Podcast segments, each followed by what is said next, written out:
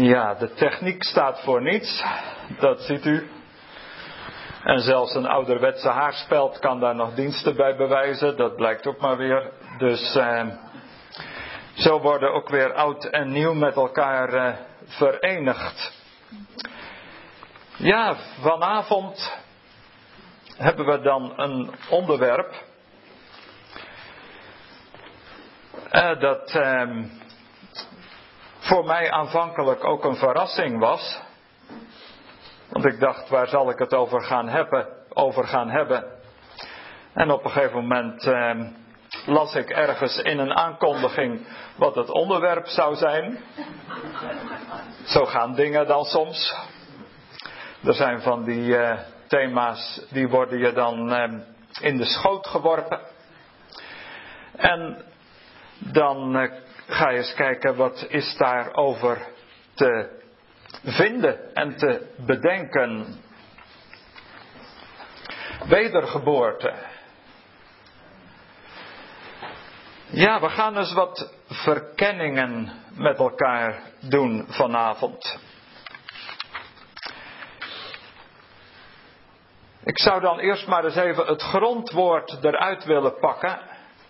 Geboorte. Want ik denk daarmee komen we dan bij de kern waar het in wezen om draait. Geboorte. Misschien is dat wel het hart van het hele plan van God. Geboren worden. En dat vind je ook in heel veel religies. Sterven en opnieuw worden geboren. Dus het is eigenlijk een soort oermotief. En toen dacht ik, het onderwerp is in feite veel breder dan je misschien zo op het eerste gezicht zou denken. Ik noem maar eens even een tekst uit Romeinen 8. En dan komen we vanzelf wel bij een aantal basispunten. Maar om eens even mee te beginnen, Romeinen hoofdstuk 8. Dat is op zich dan al een heel fascinerend punt. Want uh, daar in Romeinen 8, vanaf vers 18, daar gaat het over de toekomst, de hoop, de verwachting. En tegelijk bedenk je dan dat Paulus daar een oer-Joods motief naar voren haalt. Want de hoop, dat is in wezen eh, een van die Joodse bronnen, de Tekwa. Daar heeft Israël altijd uit geleefd. En nog. En dan de hoop te midden van het lijden. Daar gaat het in wezen over. En dat laatste gedeelte van Romeinen 8, dat is om zo te zeggen de, de apotheose, het, het hoogtepunt van die eerste acht hoofdstukken. Dus je zou in feite kunnen beginnen bij Romeinen 1. Maar dat hoef ik vanavond niet te doen, want uh, die studies liggen daar achter allemaal al op de tafel over Romeinen 1 en Romeinen 2 enzovoort. Maar dat laatste gedeelte van Romeinen 8, het is net alsof Paulus dan zegt, mensen, als we dat nu allemaal behandeld hebben, dan komen we uiteindelijk bij de hoop. En dan gaat het over heel die schepping. Dus daar heb je al drie grondmotieven. Het heeft te maken met het lijden en met de hoop en met de schepping. En dan eh, staat er ook iets heel bijzonders. Ik pak even als centrale gedachte vers 22. Want wij weten dat het ganse schepsel tezamen zucht en tezamen in barensnood is tot nu toe. Barensnood. Even dat ene woord Soms moet je één woord tegen het licht houden. En wat zie je dan? Dat eh, barensnood, dat heeft dus te maken met de geboorte. Dus wat ontdekken we hier? Dat die acht hoofdstukken waar Romeinen mee begint, die lopen uit op een geboorte. En dan gaat het hier over de geboorte van de hele schepping. De hele kosmos. Want het ganse schepsel, zo staat het er zo mooi. En daar zie je ook weer hoe Paulus heel breed uithaalt. En hij zegt, mensen, als we het daar dan over hebben, dan spreken we niet over één groepje. Of over een bepaald detail of over één klasse. Maar dan hebben we het over die hele kosmos. Pasahektisis staat er in de oorspronkelijke tekst. De ganse schepping. Die uh, is samen aan het zuchten. En die is ook samen in weeën. Tot nu toe. Nou, een weeën dat duidt op een geboorte. Dit zijn geen stervensweeën, maar dit zijn geboorteweeën. En dan zie je dat dat eh, verlangen naar de geboorte, of wedergeboorte, dat dat in wezen in heel de schepping, in heel de kosmos aanwezig is. Want ze zitten onder die vruchteloosheid, staat er in vers 20. Onder die eh, doelloosheid, onderworpen. Niet vrijwillig. Dat is op zich ook weer heel opmerkelijk. Die schepping wil dat helemaal niet. Maar om de wil van Hem die haar daaraan onderworpen heeft. Om de wil van Hem. En Hem schrijf ik dan toch maar met een kleine letter. Want ik denk niet dat dat God is die dat zo bedoelt, maar dat je dat op rekening kunt schrijven van de andere kant. Maar staat er dan in vers 21 in hopen echter, omdat ook de schepping zelf vrijgemaakt zal worden van de dienstbaarheid aan de vergankelijkheid tot de vrijheid van de heerlijkheid der kinderen Gods. Dus het gaat dubbel beeld over geboren worden. En het gaat in vers 21 over bevrijd worden. Vrijkomen van de vergankelijkheid. En dan deel krijgen aan die heerlijkheid van de kinderen Gods. Of wat er staat in vers 19 van de zonen Gods. En tot zo lang is daar dat zuchten, staat er dus in vers 22, heel die schepping zucht tezamen. En dan wordt er gezegd in vers 23, wij zuchten ook. En dan wordt daar nog bij verteld in vers 26 dat de geest ook zucht. Dus dat is een drievoudig zuchten. zuchten van de schepping, het zuchten van de gemeente en het zuchten van de geest. Nou, en. Uh, zuchten heeft ook te maken met de geboorte. Dat heeft ook verband met die weeën. Want die bereiden als het ware die geboorte voor. Nou, dus hier ontdekken we al iets heel fundamenteels. En ik geloof het is goed om dat ook af en toe eens even tegen elkaar te zeggen. Wij leven in een geboortetijd. Eindtijd is geboortetijd. Ja, dat wordt denk ik niet zo vaak gezegd. Heel vaak is daar toch het beeld, eindtijd, dat is, eh, loopt af. Maar als je Romeinen 8 als uitgangspunt neemt, dan krijg je een heel ander beeld.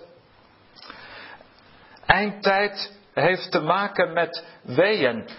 Jezus zegt het ook, Matthäus 24, vers 8. Dit is het begin der weeën. Dan heb je het ook weer. En dan spreekt hij over al die oorlogen en geruchten van oorlogen en wat er allemaal gaat gebeuren. We zouden dus ook kunnen zeggen, wij leven nu in de tijd van prelude. Het voorspel. Dan krijg je ook een heel andere visie op de tijd waarin je verkeert. Voorspel. En als je dan weet, het is het voorspel, dan weet je tegelijk ook, het concert komt nog. Als je in een concertgebouw zit en je hoort het voorspel, dan ga je je nog eens helemaal installeren. Dan loop je niet alvast naar de garderobe, dat je denkt, nou het is toch zo afgelopen. Kunt u mijn jas alvast aangeven? Nee, als je het voorspel hoort, dan weet je, de avond gaat beginnen. Het programma gaat komen. Dus wij zitten in deze tijd in het voorprogramma. In die tijd van geboorteweeën. En dat heeft dus te maken, blijkbaar, want die hele schepping is onderworpen aan die vruchteloosheid dienstbaarheid, heel die scheppingzucht. En als je dan uiteindelijk gaat naar het boek Openbaring en je komt in Openbaring 4, dan zie je het ganse schepsel zingt. Dus daar loopt, om zo te zeggen, een spanningsboog van Romeinen 8 naar Openbaring 4. Het ganse schepsel zucht. Het ganse schepsel zingt. Nou, daar zitten we op het ogenblik middenin. In dat proces, overgangstijd. Vandaar dat er natuurlijk ook heel wat gebeurt. Ja, dat is ook geen wonder. In een overgangstijd komt er van alles in beroering. Vandaar dat er dan ook eh, banken gaan omvallen en zo. Ja, dat hoeft je dan ook weer niet meer te verbazen. Ik moet al altijd denken aan wat jaren geleden Ern Baxter een keer vertelde. Hij zegt, ze hadden een conferentie in Engeland en daar werd ook heel veel gebeden. Ook in de geestelijke wereld. En hij zegt, het verbaasde ons dan ook niet dat de dag daarop alle bakkers gingen staken. Nou, dan zie je dat er als het ware in die geestelijke dimensie wat loskomt. Ja, dat is ook iets van die geboorteweeën. Dat God zegt, ik maak alle dingen los. Er komt heel wat eh, overhoop. Daarmee heeft denk ik ook te maken het slot van Hebreeën 12. Nog eenmaal zal ik alle wankele dingen schudden. En dan blijft alleen dat onwankelbare koninkrijk over, die laatste verse van Hebreeën 12. Dus we zitten in een gigantisch geboorteproces.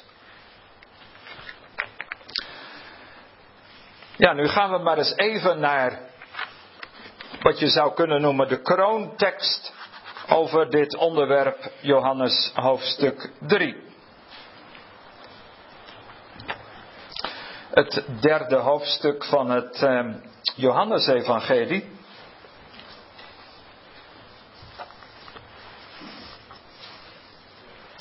Want geboren worden, dat is toch eigenlijk een heel fascinerend onderwerp. En misschien gaan we straks ook nog even het spoor terugvolgen. Want in feite kun je zeggen dat dat hele thema van geboorte teruggaat tot het eerste Bijbelboek. Want ik denk maar al te veel wordt dat hele thema geboorte apart gezet. Alsof het een uh, apart onderwerp zou zijn. Maar het is om zo te zeggen verankerd in de schriften. En het eerste Bijbelboek is in wezen een geboorteboek. Dat is het helemaal. Want het woord Genesis betekent onder andere geboorte. Heel opmerkelijk, het is een Grieks woord, Genesis. En uh, die woordstam, de oorspronkelijke stam, of eigenlijk moet ik zeggen de wortel van dat woord Genesis, dat zijn drie letters, de eerste drie letters van Genesis, dat zijn die drie letters gen. En die drie letters gen, die kom je dus tegen in het Grieks. Die kom je tegen in het Latijn. Daar heb je het ook weer. En die kom je zelfs weer opnieuw tegen in het Nederlands. Want het woord kind komt daar ook vandaan. Komt van dezelfde wortel als Genesis. Het woord kind. Dus dat heeft allemaal te maken met datzelfde thema. Dat klinkt als het ware door al die talen heen. Geboren worden. Als je dat nu zo gaat beluisteren. Dat is vaak zo fascinerend dat de taal het gewoon al zegt. Luister gewoon maar naar de talen. En die vertellen je wel. Die zullen het je wel vertellen en vertalen. Want als je dat dan hoort vanuit al die verschillende achtergronden, dan denk je blijkbaar heeft dat toch iets te maken met God. Als het in zoveel talen zit, nou dan is het blijkbaar iets wat vanuit het hart van God komt. Iets wat God daarin gelegd heeft. Dus dat betekent tegelijk ook, Hij is de God van de geboorte. Ja. Hij is de God die de geboorte teweeg brengt. Die daar zelf ook helemaal achter staat. Het is om zo te zeggen zijn geheim. Het is zijn fascinatie. Het is iets wat hem ter harte gaat. Hij staat er helemaal achter, hij heeft het bedacht. Het is uit hem voortgekomen, dat hele thema geboorte. En uh, hij gaat het ook tevoorschijn brengen. En nu in Johannes 3.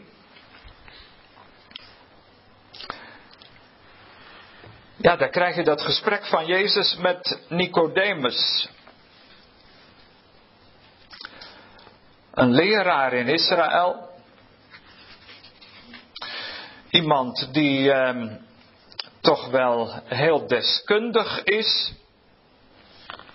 maar het is zo ontroerend dat er staat in Johannes 3, vers 1: En er was een mens.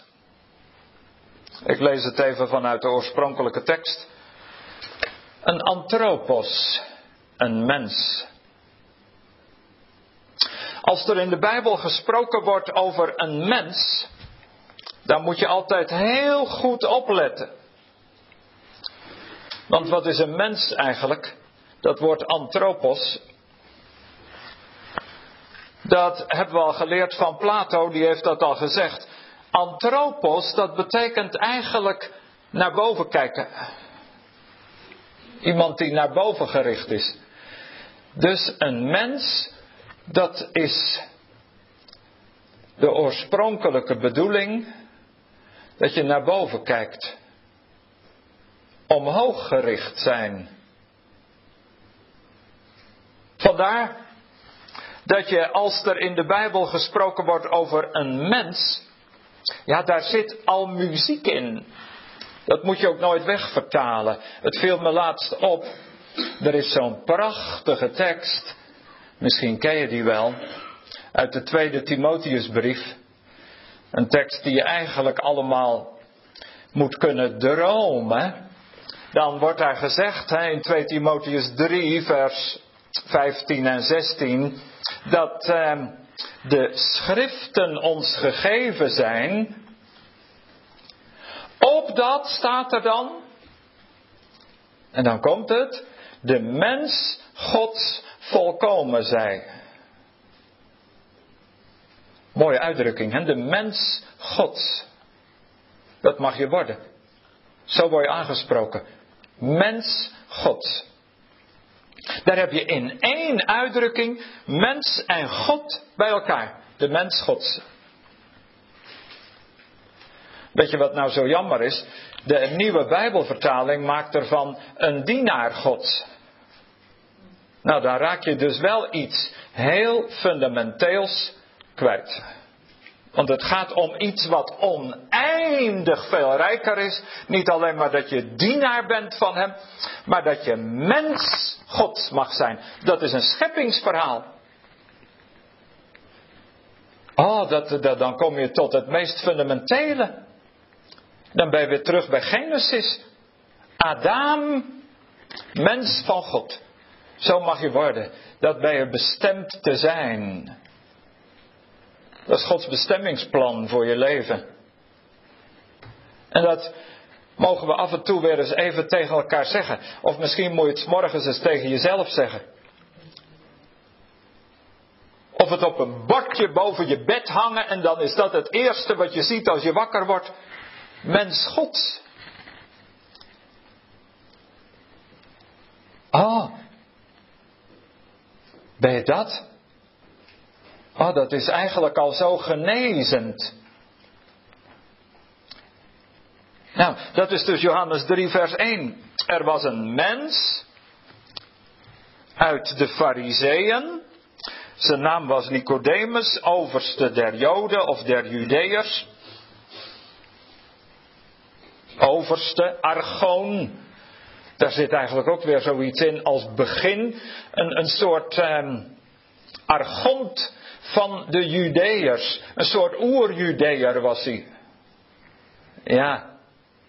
Hij was het meest Judeër van wat je maar Judeër kan zijn. Dat vertalen we dan maar met overste, maar dat is eigenlijk ook maar een beetje een hulpmiddel om het zo te vertalen. Maar je zou dus eigenlijk moeten zeggen oer-Judeër. Net zoiets als aartsengel. Een aarts-Judeër. Ja. Je hebt aartsengelen, je hebt aartsjudeërs, je hebt aartsbisschoppen en aartsvaders. Heb je, ook, je hebt ook aartsmoeders, maar daar hoor je bijna nooit over. Er zijn drie aartsvaders en vier aartsmoeders. Maar dat is weer een heel ander onderwerp. Maar dus nu zie je hier in Johannes 3. Wat staat er dan in het tweede vers? Deze kwam in de nacht tot hem.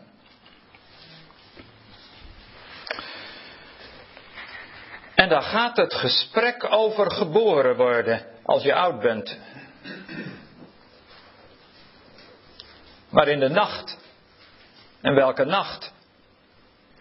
Als je het verband even gaat bekijken, en soms is het heel boeiend om eens even te letten op de context, dan zie je dat het aan het eind van Johannes 2 in vers 23, dan staat er en als hij te Jeruzalem was op het Pascha, op het feest. Dus als je die context even laat meeklinken, dan zou je kunnen zeggen, in welke nacht komt Nicodemus tot hem? In de paasnacht. Ja. Die laatste verse van Johannes 2, die leggen als het ware hun glans over Johannes 3. En dan zeg je, oh mensen, kijk, daar heb je het nu. In de paasnacht komt Nicodemus.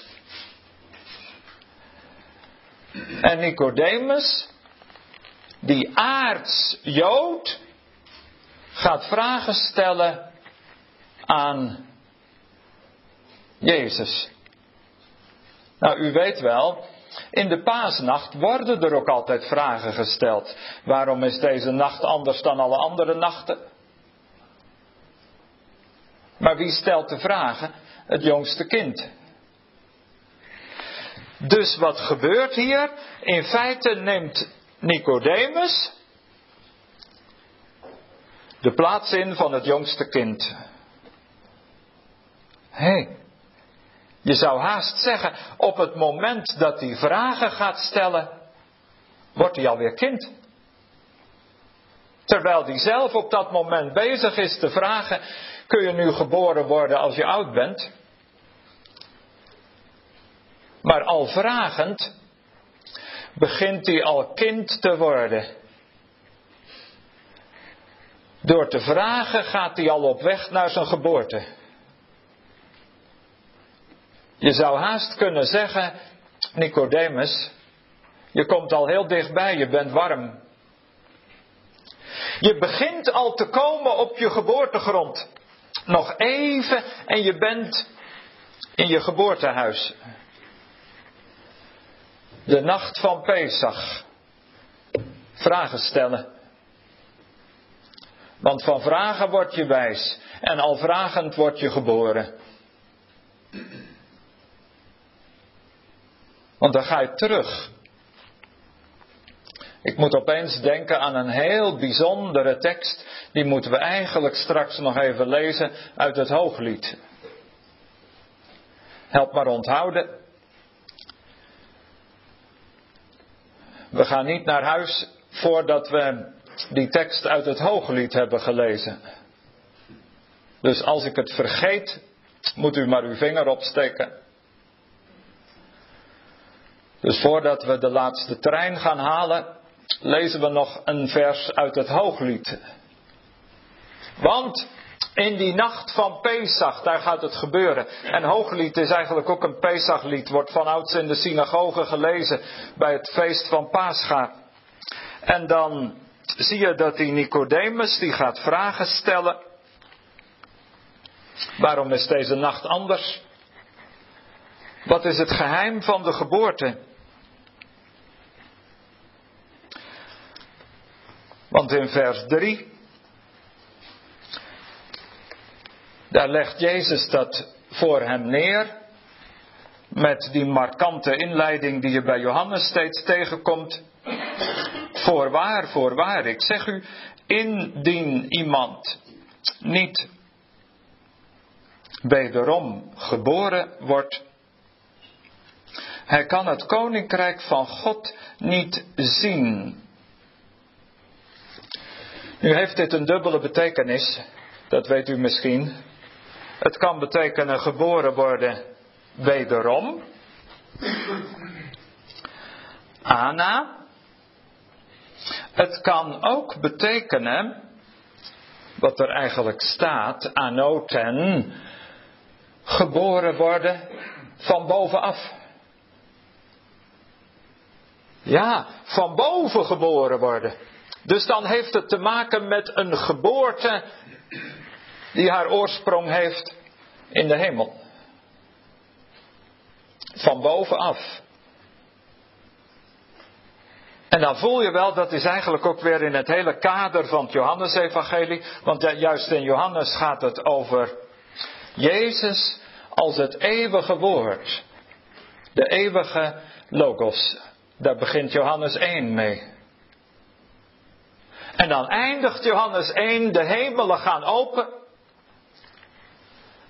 En ik zag de engelen opstijgen en neerdalen op de zoon des mensen. De hemelen gaan open. En dan voel je, dan gaat er dus iets gebeuren van boven.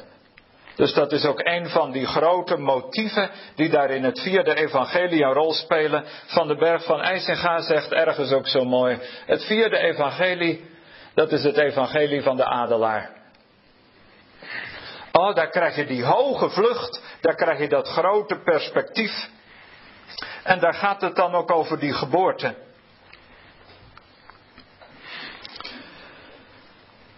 Vers 5. Geboren uit water en geest. En anders kun je in het koninkrijk Gods niet ingaan. Dat doet toch weer helemaal denken aan het scheppingsverhaal. Genesis 1. Want daar heb je water en geest. Mayim, de wateren. En de ruach, de geest, die zweefde over de wateren. En als die geest daar gaat zweven, Genesis 1 vers 2, zo'n prachtige tekst. Hè? Oh mensen, als je alleen maar Genesis 1 vers 2 had. Wat had je dan al een godskennis? Hè? Ja. En dan kom je iemand tegen en die zegt, ja ik heb maar één tekst. Genesis 1 vers 2. Meer heb ik eigenlijk niet. Maar ik leef er al jaren op. Want Genesis 1 vers 2, oh dat is zo mooi. Die aarde, woest en ledig, en misschien je eigen leven, want dat is altijd macrokosmos en microkosmos. Dat is kleinschalig en grootschalig. Al die dingen die spelen zich af in je eigen hart en die spelen zich ook af in de hele kosmos. Want een mens is eigenlijk net een kosmos in het klein. En dan zie je dat die aarde, die is woest en ledig, ordeloos en vormeloos. Duisternis op de vloed, op de oervloed, op de tehom. En dan, Ruach Elohim, de geest, de adem van God. Merachefet alpanehamayim zwevend over het aangezicht van de wateren. Oh, mooi hè? Ja, dan denk je, oh, geweldig. Wat is dat groots? Dat die Ruach, die is er al in Genesis 1. Dus Genesis 1 is al een geboorteverhaal. Want waarom zweeft die Ruach over de wateren? Om te te verwekken, om geboren te doen worden. De Syrische vertaling zegt broeden op de wateren. Dus als een moedervogel. Ruach is ook vrouwelijk in het Hebreeuws, in het Syrisch ook. Nou, en dan zie je dus dat die Ruach, die geest, die adem van God. Hier in Johannes 3 krijg je het ook weer boven de wateren. Over het aangezicht van de wateren. Geboorte. God is van meet af aan de God van de geboorte. Dat is in zijn hart. En daarom staat er dan ook hier in vers 7: Verwonder u niet dat ik u gezegd heb: Gij lieden, meervoud, moet wederom geboren worden.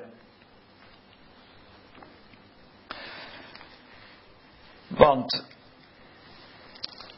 daar staat opnieuw: geboren worden van bovenaf. En dan die prachtige tekst in vers 8. De geest of de wind, pneuma, kan allebei zijn. In het Hebreeuws is het ook allebei ruach, dat is geest of wind. Waait of blaast waarheen hij wil. En gij hoort zijn geluid, maar eigenlijk staat er gehoord zijn stem.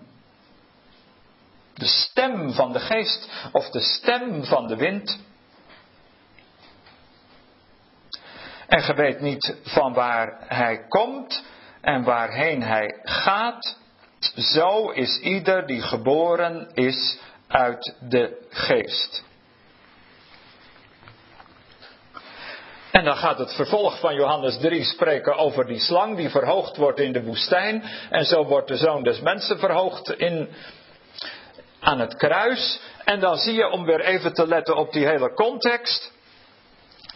Daar wordt dus de parallel getekend, net zoals het volk Israël, die daar in de woestijn waren. En ze stierven door de slangen. Maar als ze opkeken naar die ene koperen slang, dan was daar leven uit de dood. Een nieuwe geboorte. De hele context vertelt over een geboren worden uit de dood vandaan.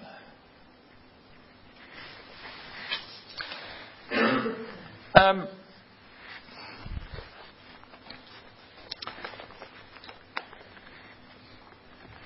nu is er een heel bijzondere tekst. Heel apart.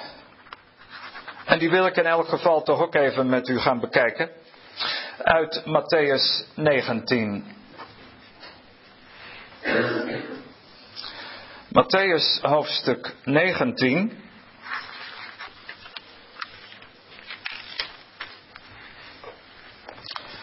Want die is toch wel uniek. Dat wordt ook wel gezegd in de commentaren en in de woordenboeken. Dat uh, dit bijna nergens voorkomt. Hoogstens zou je kunnen zeggen, het is een gedachte die je ook vindt uh, bij de oude Grieken. Daar komt het ook wel voor, bij de Stoa. Maar nu gaan we eens even kijken, Matthäus 19. En dan staat daar iets heel bijzonders in vers 28. Petrus zegt dan, we hebben alles verlaten, we zijn u gevolgd. Wat zal ons geworden? En dan vers 28, en Jezus zei tot hem, voorwaar ik zeg u, dat gij die mij gevolgd zijt, Ja, gij die mij gevolgd zijt. In de wedergeboorte. Wanneer de zoon des mensen zal gezeten zijn op de troon zijner heerlijkheid, dat gij ook zult zitten op twaalf tronen. Nou, even deze tekst. Alleen, nu is het speciale een paar dingen. Punt 1, het woord dat hier gebruikt wordt. Want hier wordt een ander woord gebruikt dan we net in Johannes 3 hadden. Hier staat niet geboren worden van bovenaf, maar hier staat palingenesia. En dat betekent letterlijk wedergeboorte. Niet van boven, maar wederom. Weer opnieuw. Net alsof je een bandje terugspoelt. Dat woord palin, dat is wederom. Dat heb je ook in het woord palimpsest. Dat is dat je bijvoorbeeld een eh, blad papier hebt, of papyrus of perkament. En daar is ooit al wat opgeschreven en nu ga je er doodleuk wat anders overheen schrijven. Dan is het opnieuw gegraveerd. Nou, en zo staat hier dus opnieuw geboorte. Alleen, nu kun je het op twee manieren indelen. Want in die oorspronkelijke tekst, kijk, daar stonden geen komma's. Die leestekens hadden ze niet. Dus ik zal u even de twee manieren geven waarop je het kunt indelen. Je kunt zeggen dat gij die mij gevolgd zijt in de wedergeboorte. Dat is mogelijkheid A. Dus Jezus zegt, in dat geval, die wedergeboorte is nu begonnen. De wedergeboorte, namelijk van de schepping, van alle dingen. Dat is begonnen met het optreden, de komst, de prediking van Jezus. En toen is die wedergeboorte op gang gekomen. En die twaalf leerlingen, die zijn Jezus gevolgd in de wedergeboorte. Ze zitten nu in dat proces, in dat grote geheel. Je zou kunnen zeggen, ze zijn in die beweging mee gaan vibreren. Maar nu mogelijkheid B. Je kunt het ook zo lezen. Voorwaar ik zeg u dat gij die mij gevolgd zijt, komma, in de wedergeboorte, wanneer de zoon des mensen zal gezeten zijn op zijn troon. Dus in dat geval trek je dat woord wedergeboorte bij het vervolg van de tekst. En dan wordt er dus mee aangeduid, die wedergeboorte, dat komt nog. Dat is de toekomende eeuw. Dat is wat de rabbijnen noemen de Olam Haba, de toekomende eeuw. En dan, als de zoon des mensen gaat zitten op zijn troon, Kisse Kavod, de troon der heerlijkheid. Zie je het zijn allemaal puur Hebreeuwse woorden. Dan, dan zit hij op zijn troon en dan gaat die wedergeboorte op gang komen. Vanaf zijn messiaanse troon. U weet wel, die troon uit Daniel 7. Waar de zoon des mensen wordt genoemd. Die dan komt met de wolken en die een plaats krijgt bij de troon van de Vader. Nou dan, dan gaat dat proces van die wedergeboorte, om zo te zeggen, ontvonken. Dan springt de vonk over en dan slaan de vlammen eruit en dan komt dat hele gebeuren op gang.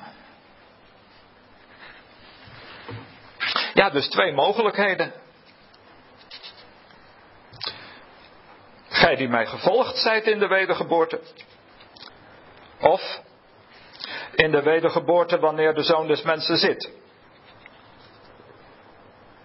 En de meeste Griekse teksten die zetten keurig overal komma's tussen. Dus dan eh, kun je er inderdaad alle kanten mee op.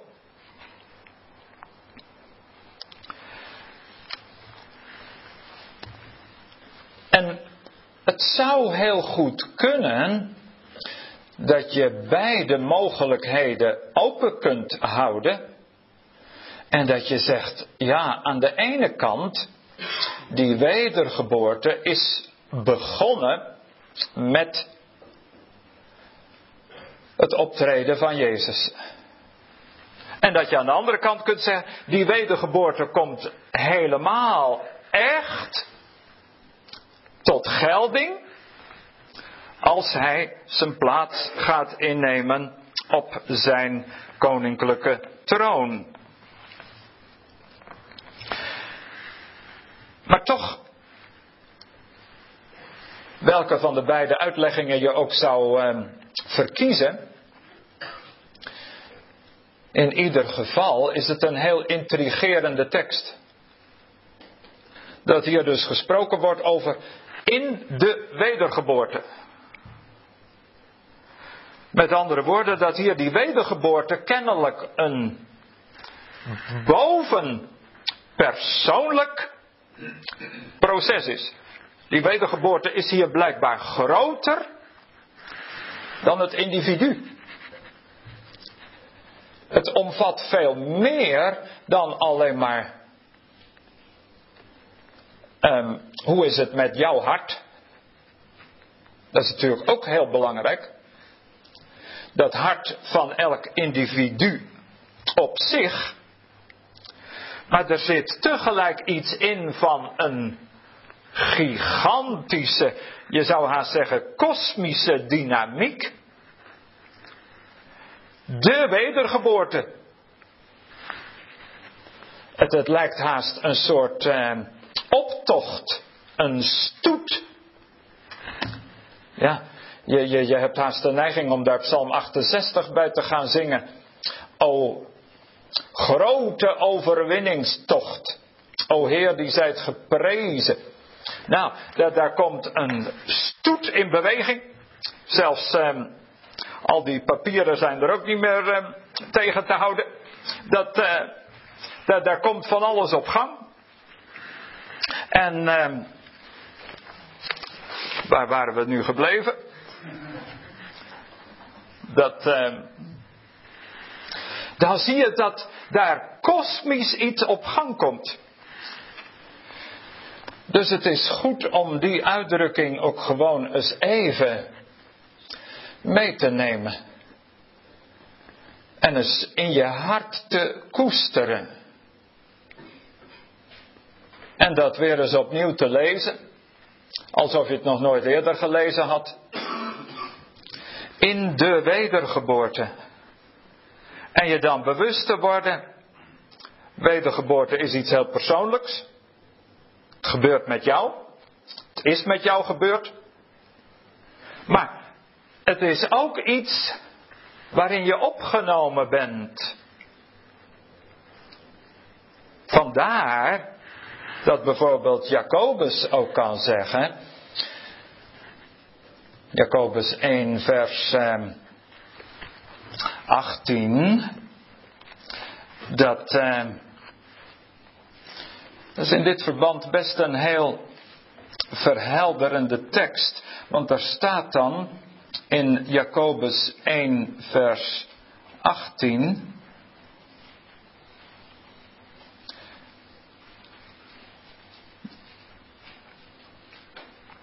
Hij heeft ons voortgebracht door het woord der waarheid.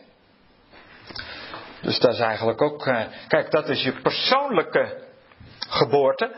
Hij heeft ons voortgebracht door dat woord van de waarheid. En dan staat erbij om te zijn eersteling. Een eersteling waarvan? Van zijn schepselen. Dus daar wordt het ook weer meteen. Ja, het is net alsof. Um, je ziet daar jouw persoonlijke verhaal. Jouw geboorte, misschien in jouw binnenkamer. Jij in je persoonlijke relatie met God, met Jezus. Jij in je persoonlijke gesprek met de eeuwige. Wat er bij jou van binnen gebeurt. Dat is vers 18a. En dan in vers 18b.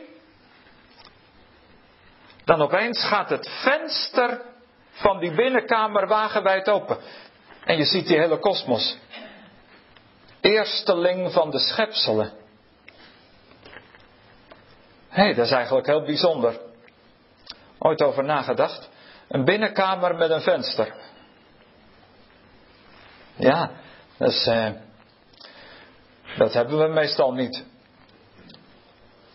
Eigenlijk denk je, ja, dat moet toch ook niet, want in de binnenkamer, nou, dan moet je alleen maar naar binnen kijken en dan moet je alleen maar bezig zijn met je hart.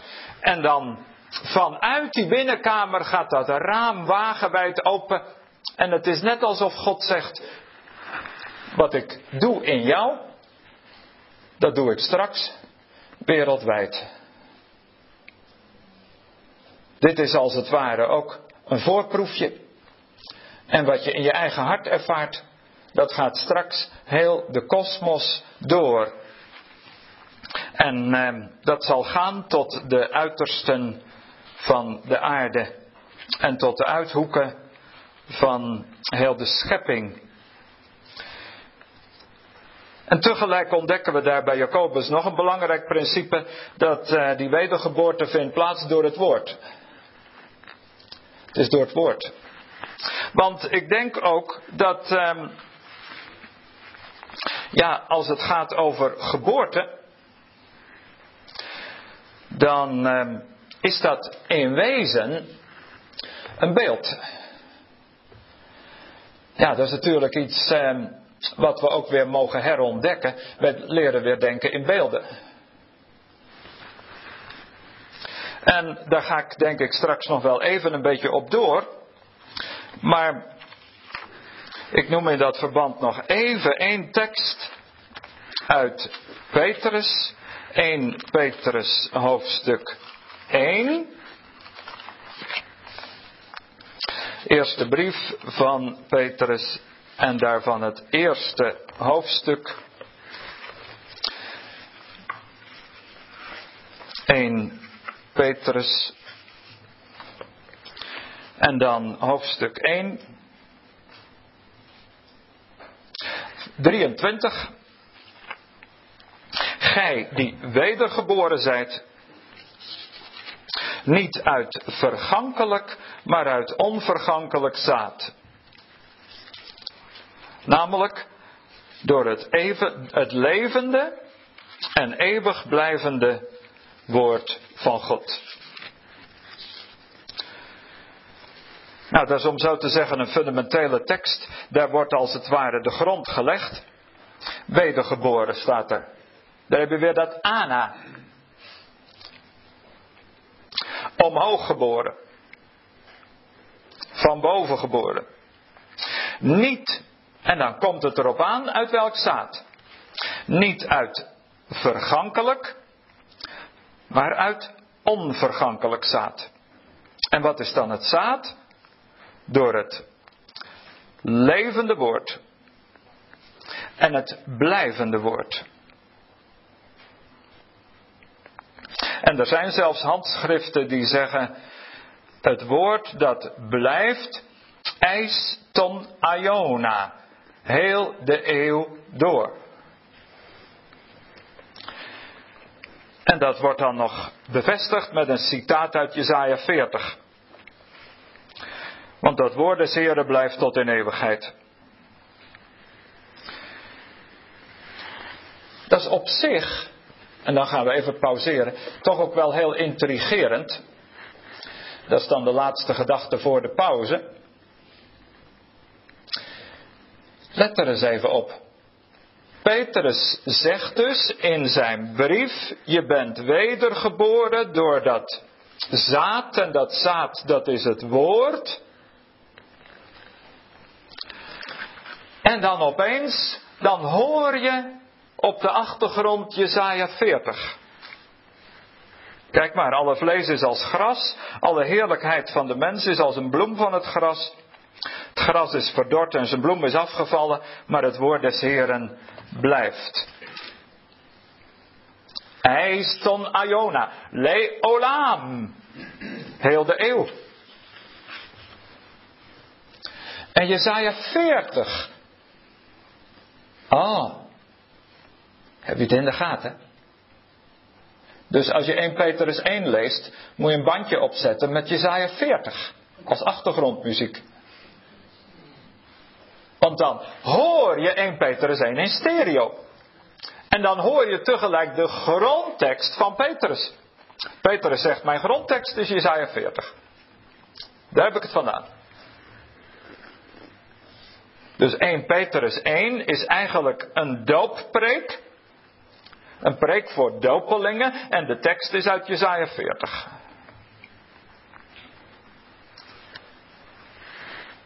En later is het een brief geworden. Maar als je dan bedenkt, Jezaja 40, want daar komt dat vandaan, het vlees is gras en het gras verdort en de bloem valt af. Maar, zegt Jezaja 40 dan, het woord van onze God, de Var Elohenu, Jakom le Olam, staat op heel de eeuw door. Ah, waar heeft Jezaja 40 het over? Troost, troost mijn volk. Over de ballingen in Babel, nou die waren ook dood. Dus het gaat over de geboorte uit de ballingschap. Nou, daar zit je dan. Je zit in die ballingschap, in die dood. En nu ga je geboren worden uit de ballingschap vandaan. Oh, dat is wat.